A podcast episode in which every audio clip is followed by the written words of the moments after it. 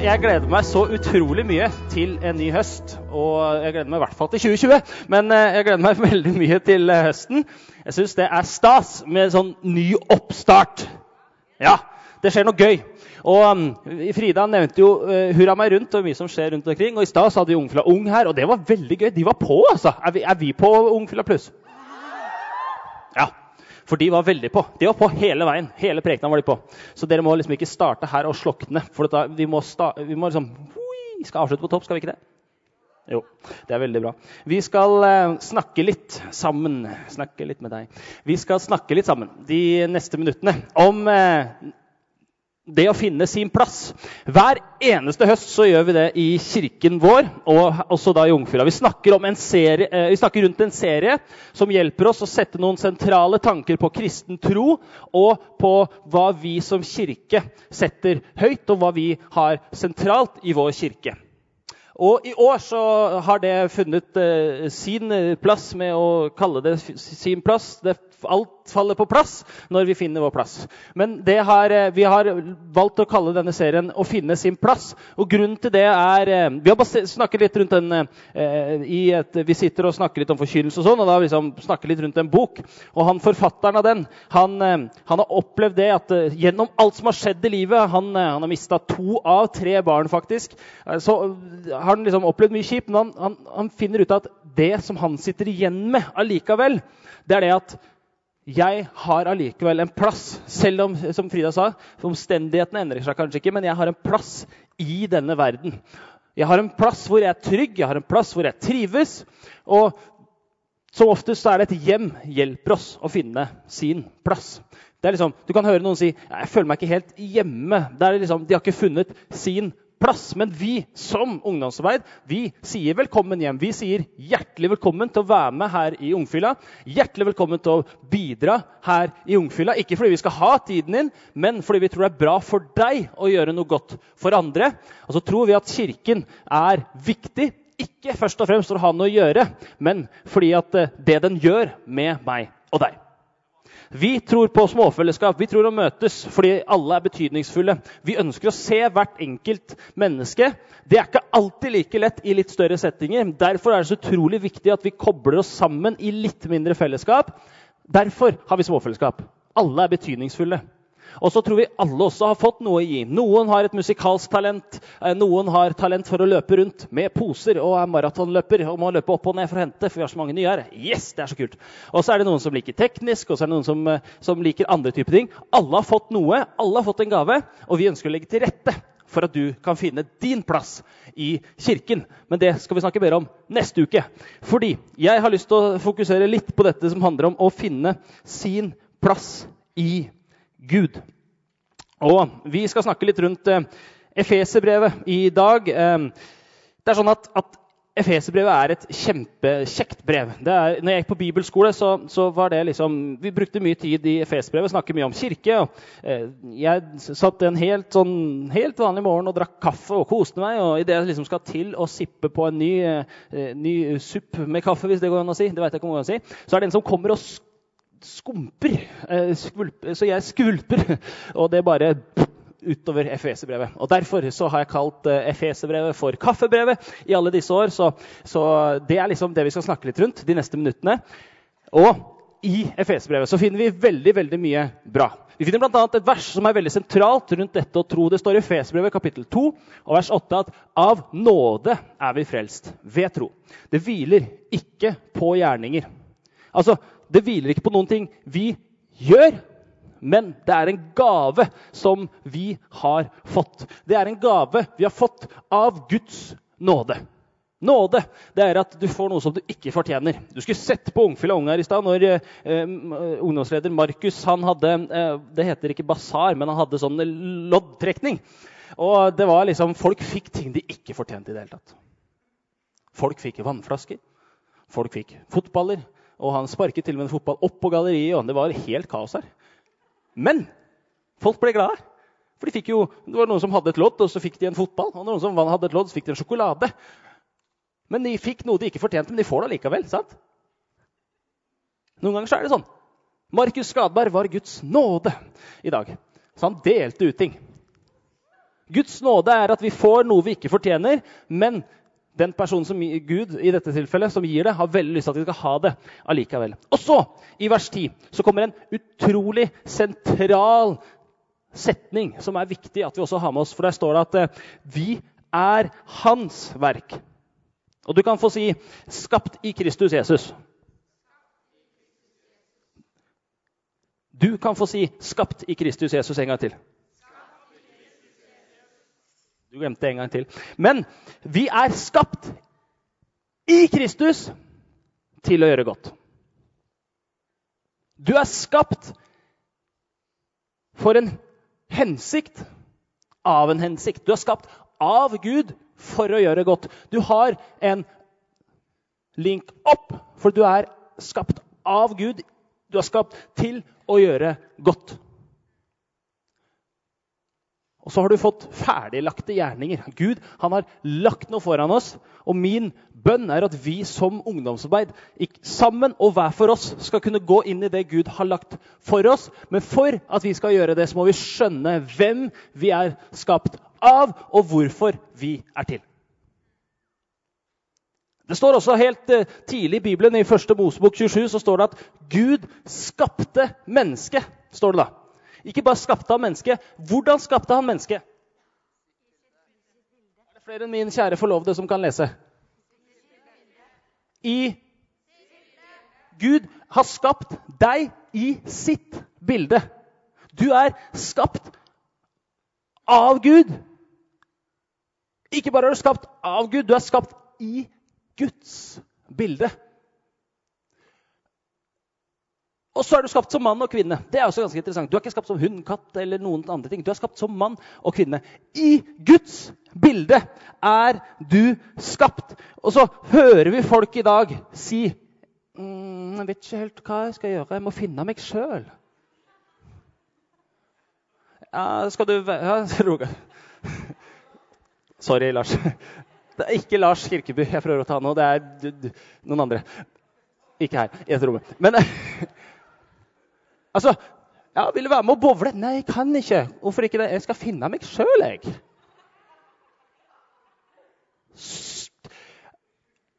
Og det er, ikke, er, det, er, det, flere enn meg som har hørt det at ja, jeg må bare finne meg selv først? Er det noen som har hørt det? Altså, Det er kanskje ikke den, men det er en av de største løgnene vi blir fortalt i 2019. Det er at vi må finne oss selv. Du må ikke finne deg selv en plass, du. Det står i Bibelen at den som finner sitt liv, skal miste det. Så hvis du finner deg selv, så mister du ripp, liksom. Men du, du skal ikke finne deg selv en plass. Det du skal gjøre, er å finne Gud fordi du er skapt i Guds bilde. Så hvis du finner Gud, så finner du ikke, du finner ikke deg selv, men du finner Han som har skapt deg. Og så finner du han som har skapt deg til gode gjerninger, som han på forhånd har lagt foran deg. Det er det du skal gjøre. Og det skal vi sammen se på i kveld. Vi skal se hvordan vi finner Gud, hvordan vi finner vår plass i Han. Og så skal vi ikke gå ut herfra og tro på den løgnen at vi skal finne oss sjøl. På Sandnes, liksom. Men du skal få tro på én ting, og det er at du har en plass hos Gud. Og han skal få fortelle deg hvem du er. Og så er det ikke samfunnet rundt som skal fortelle løgner om hvem du er. Er, vi, er, vi, er det greit? Ja. Efeserbrevet, eller Kaffebrevet, om du vil. Det er et brev som er ganske interessant. og Bare i løpet av Efeserbrevet kapittel 1 og kapittel 2 så står det i ham, ved ham, i Jesus, ved Jesus, hele 38 ganger. Det står altså 38 sannheter om hvem du er i Han som har skapt deg. Ved Han som har skapt deg. Det er sannheter du skal høre på. Jeg, rekker ikke å ta alle 38 i kveld, for da blir vi sittende til i morgen. Eller, jeg jeg syns det har vært kjempegøy å ta alle 38. Jeg syns det er kjekt å stå her og få oppmerksomhet. og sånn, jeg. Men for din del så skal jeg kun ta tre etter hvert. her. Og så skal du få lov til å gå hjem og se på de andre 35. Er det greit? Fordi Paulus, som har skrevet dette brevet her, han gjentar seg selv mange ganger. Og det å gjenta det er en måte å få fram et poeng på eller et budskap på. Reklame full av gjentagelse. Lita god, lita god, lita god er god, god og brun og hei og du, lita god, melk, mu, bu. Det rimte litt òg. Det var mye bedre nå enn på ung. Ja, så De skal få fram et poeng, så enten så gjentar de seg selv, eller så lager de et rim, eller så sier de hva produktet er mange mange ganger. Det er så Paulus bare prøver å trøkke inn i nøtta vår hvem vi virkelig er. Og vi skal se på som sagt, tre sannheter. Og vi skal ta én tekst, og vi skal legge ut den teksten. Og der så står det som følger i, eh, i Efesbrevet kapittel 1 og vers 4. I Kristus. Kan du si Kristus? Nå begynner du å lære litt her. Utvalgte han oss før verdens grunnvoll ble lagt, til å stå for hans ansikt hellige og uten feil. I kjærlighet etter sin gode vilje, egen gode vilje avgjorde han på forhånd at vi skulle få rett til å være hans barn. Flott. Til lov og pris for hans herlighet og nåde, som han overøste oss med. Ja, dette er bra. Som han elsker så høyt. Har vi, fått, har vi friheten kjøpt med hans blod, tilgivelsene for syndene? Så rik er Guds nåde. Kjære pappa. Tusen takk for at ditt ord er sannhet. Og dine løfter de gir oss en frihet. Hjelp oss de neste minuttene til å se litt mer av hvem vi virkelig er. Ber for hver enkelt som er her nå på Ungfila, at vi sammen skal forstå litt mer av høyden, lengden, bredden og dybden som fins i deg, Herre. Og ber om at vi skal gå annerledes ut av kirken i kveld enn vi kom inn. Vi gir deg all pris og all ære i Jesu Kristi navn. Amen. Amen. I Kristus utvalgte han oss før verdens grunnvoll ble lagt, til å stå for hans ansikt, hellige og uten feil. Den første sannheten om hvem du er i Gud, det er at du er utvalgt, hellig og uten feil. Det er kanskje ikke alle som vet dette, her, men jeg er faktisk utdannet lærer. Jeg er utdannet lærer i religion, gym og matte i 5. til 10. klasse. Og de, altså, Er det noen som har eh, Nei, kroppsøving må jeg kanskje si. for å være faglig korrekt. Er det noen som har kroppsøving på skolen? Opp med en hånd og vink litt sånn lett. Ja. Det, har dere fortsatt sånn at man må altså at, at, det er sånn Del i to lag, og så velger de lag? Er det noen som har det? Altså, det er jo altså, har, har det, det er helt forferdelig. Har du tenkt på det? Det er så sykt.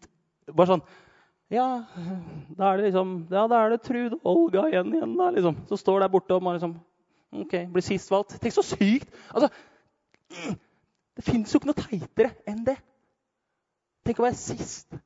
Å bli valgt sist i gymmen. Det er ikke noe mer selvtillitsknekk enn det. det ikke, altså, jeg syns det er helt grusomt å gjøre, tenke sånn at det er greit. Kanskje skjer det også i friminuttet liksom, på fotballbanen. at liksom, man velger, og så er Det noen som blir valgt. Det er helt forferdelig. Men sånn er det ikke hos Gud. Fordi du er utvalgt. Ikke bare er du utvalgt, du er også utvalgt før verdens grunnvoll ble lagt, sto det i teksten. Du er utvalgt før denne jorda ble påbegynt.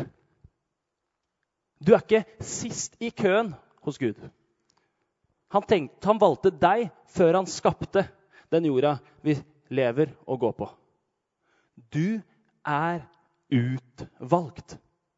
Og på samme måte som man eh, i, ja, i gymbildet, dessverre, for å bruke det igjen, som man blir utvalgt til et lag, så er det noen ting du blir utvalgt i hos Gud.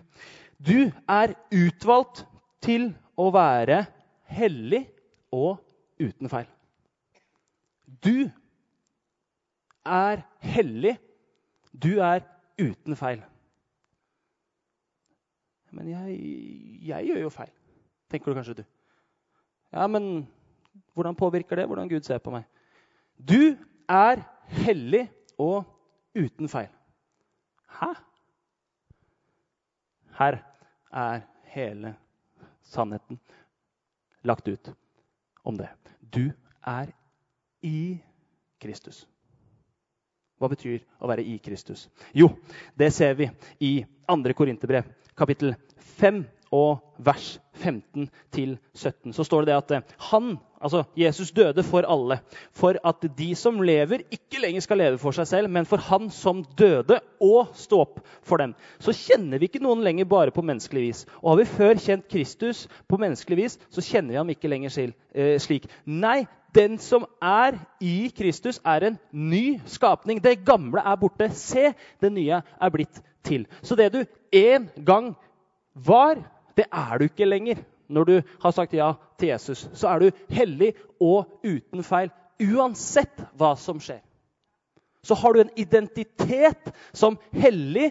Du har en identitet som uten feil. Det gjør at når vi synger sanger her nå, så er det ingen som skal tenke at jeg kan ikke løfte hånda for at du skulle sett hva jeg gjorde her om dagen.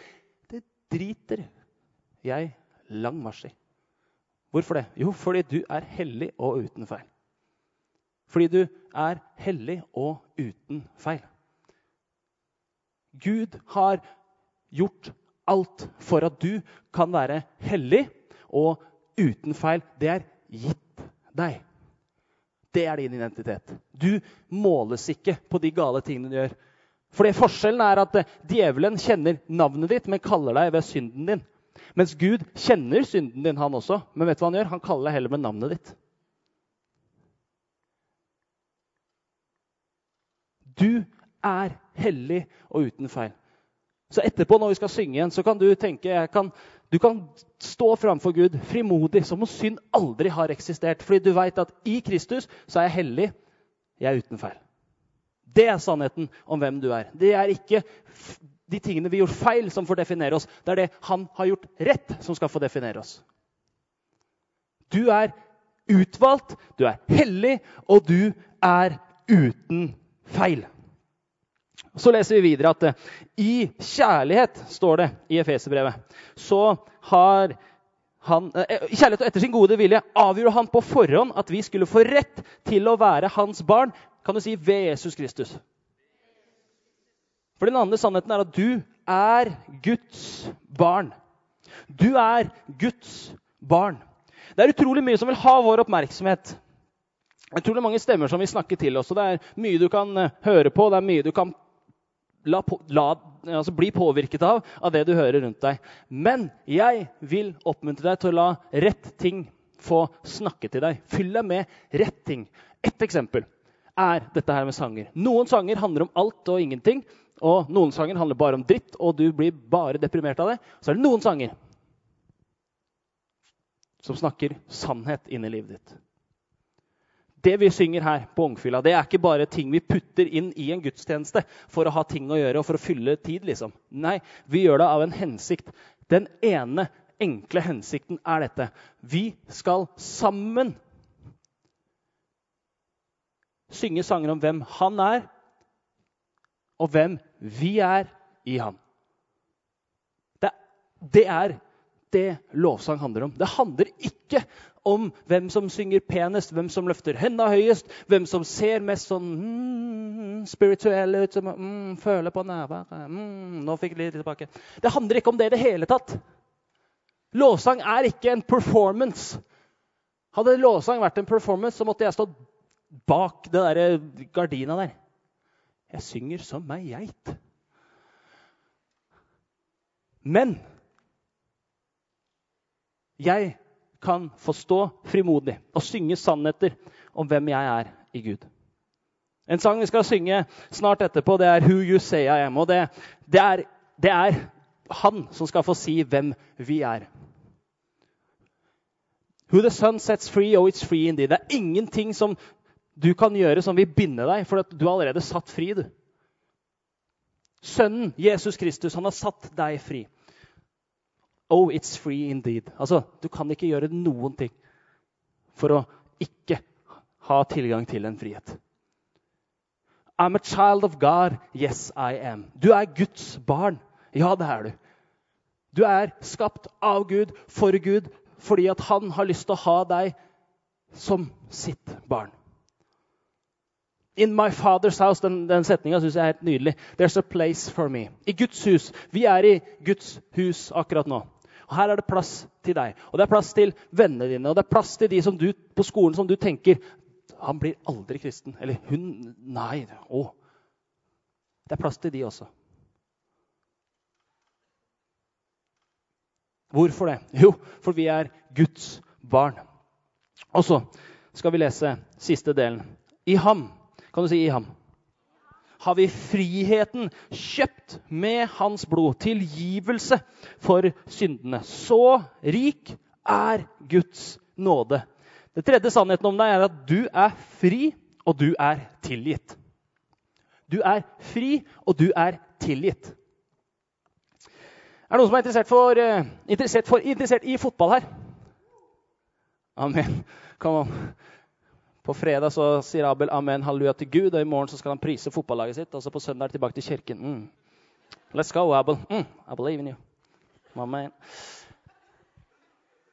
Men akkurat nå så er det sånn at eh, Eller for å geeke veldig, så er det sånn at i det engelske liga... Nei, jeg skal ikke... Men uansett. Sommeren og vinteren er tid for overgangsvindu. Du kan kjøpe og selge spillere.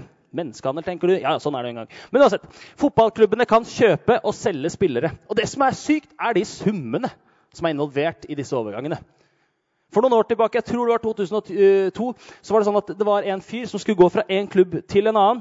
Og den klubben som solgte han, de sa han er verdt sin vekt i reker. Så den klubben som skulle hente han, de måtte ut med 75 kilo reker. Og så fikk de helten Kenneth Christiansen. Og ja, du gjetta riktig. Det skjedde på Sørlandet. Og den mannen du ser på bildet, her, han har vært mye mer enn 75 kilo reker. Dette er Eden Hazard. Han, hans overgangssum til Real Madrid kan komme opp, komme opp i svimlende 1,6 milliarder norske kroner. Hadde jeg hatt 1,6 milliarder, jeg hadde ikke giddet å kjøpe en fyr. Det er så mye mer du kan bruke 1,6 milliarder på. Du kan kjøpe 160 millioner cheeseburger for 10 kroner. Se for deg badekaret bare mm, det er, mm. Nei, men eh, Altså, det er så syke summer. og det er summene, altså det er 1,6 milliarder der, det er 1 milliard der, det er 800 millioner der, det er 650 millioner der. Det er, det er så mye Å, det er så mye penger! Og du kan si hva du vil om summene, men klubben som betaler 1,6 milliarder for Eden Hazard, de mener han er verdt det. De mener at han, han må vi betale for, han må vi ha på laget vårt. Han er verdt det. Og For 2000 år siden var det en som hang på et kors for din og min skyld. Fordi Gud mente at du var verdt det. Det var ikke noe overgangssum involvert. Det var ikke penger involvert. Det var en person som tok på seg all min og din skyld, synd, skam, sammenligning, drit, bak Altså alt mulig galt som jeg og du noen gang har gjort eller kommer til å gjøre, det er allerede tatt vekk fra oss. Fordi at det hang på korset sammen med Jesus Kristus. Og så døde det med han der oppe. Ikke bare døde det med han der oppe, men han tok det ned i dødsriket. Og så vant han over døden. Og tre dager seinere så sto han opp. Så jeg og du kan stå her frie og tilgitt. Det er hvem du er, det. Du er fri og tilgitt på grunn av personen Jesus Kristus. Og Gud han gjorde det, selv om han trengte, det er en risk for at ikke alle har lyst til å ta imot den gaven som jeg gir dem. Men allikevel så valgte han å gjøre det. Han ofra sin egen sønn for at jeg og deg skulle ha muligheten til å gå fri. Efeserne kapittel 2 og vers 15, 13-15 så står det at eh, vi, altså nå i Jesus, Kristus Jesus, er dere som var langt borte, kommet nær på grunn av Kristi blod. For han er vår fred. Han som gjorde de to til ett og rev ned den muren som skilte fiendskapet. Ved sin kropp har han opphevet loven med dens bud og forskrifter. Det er en pris som er blitt betalt. Det er en person som har gått inn i mitt og ditt sted. Så har han tatt alt for at vi kunne ha muligheten til å ha adgang til Gud.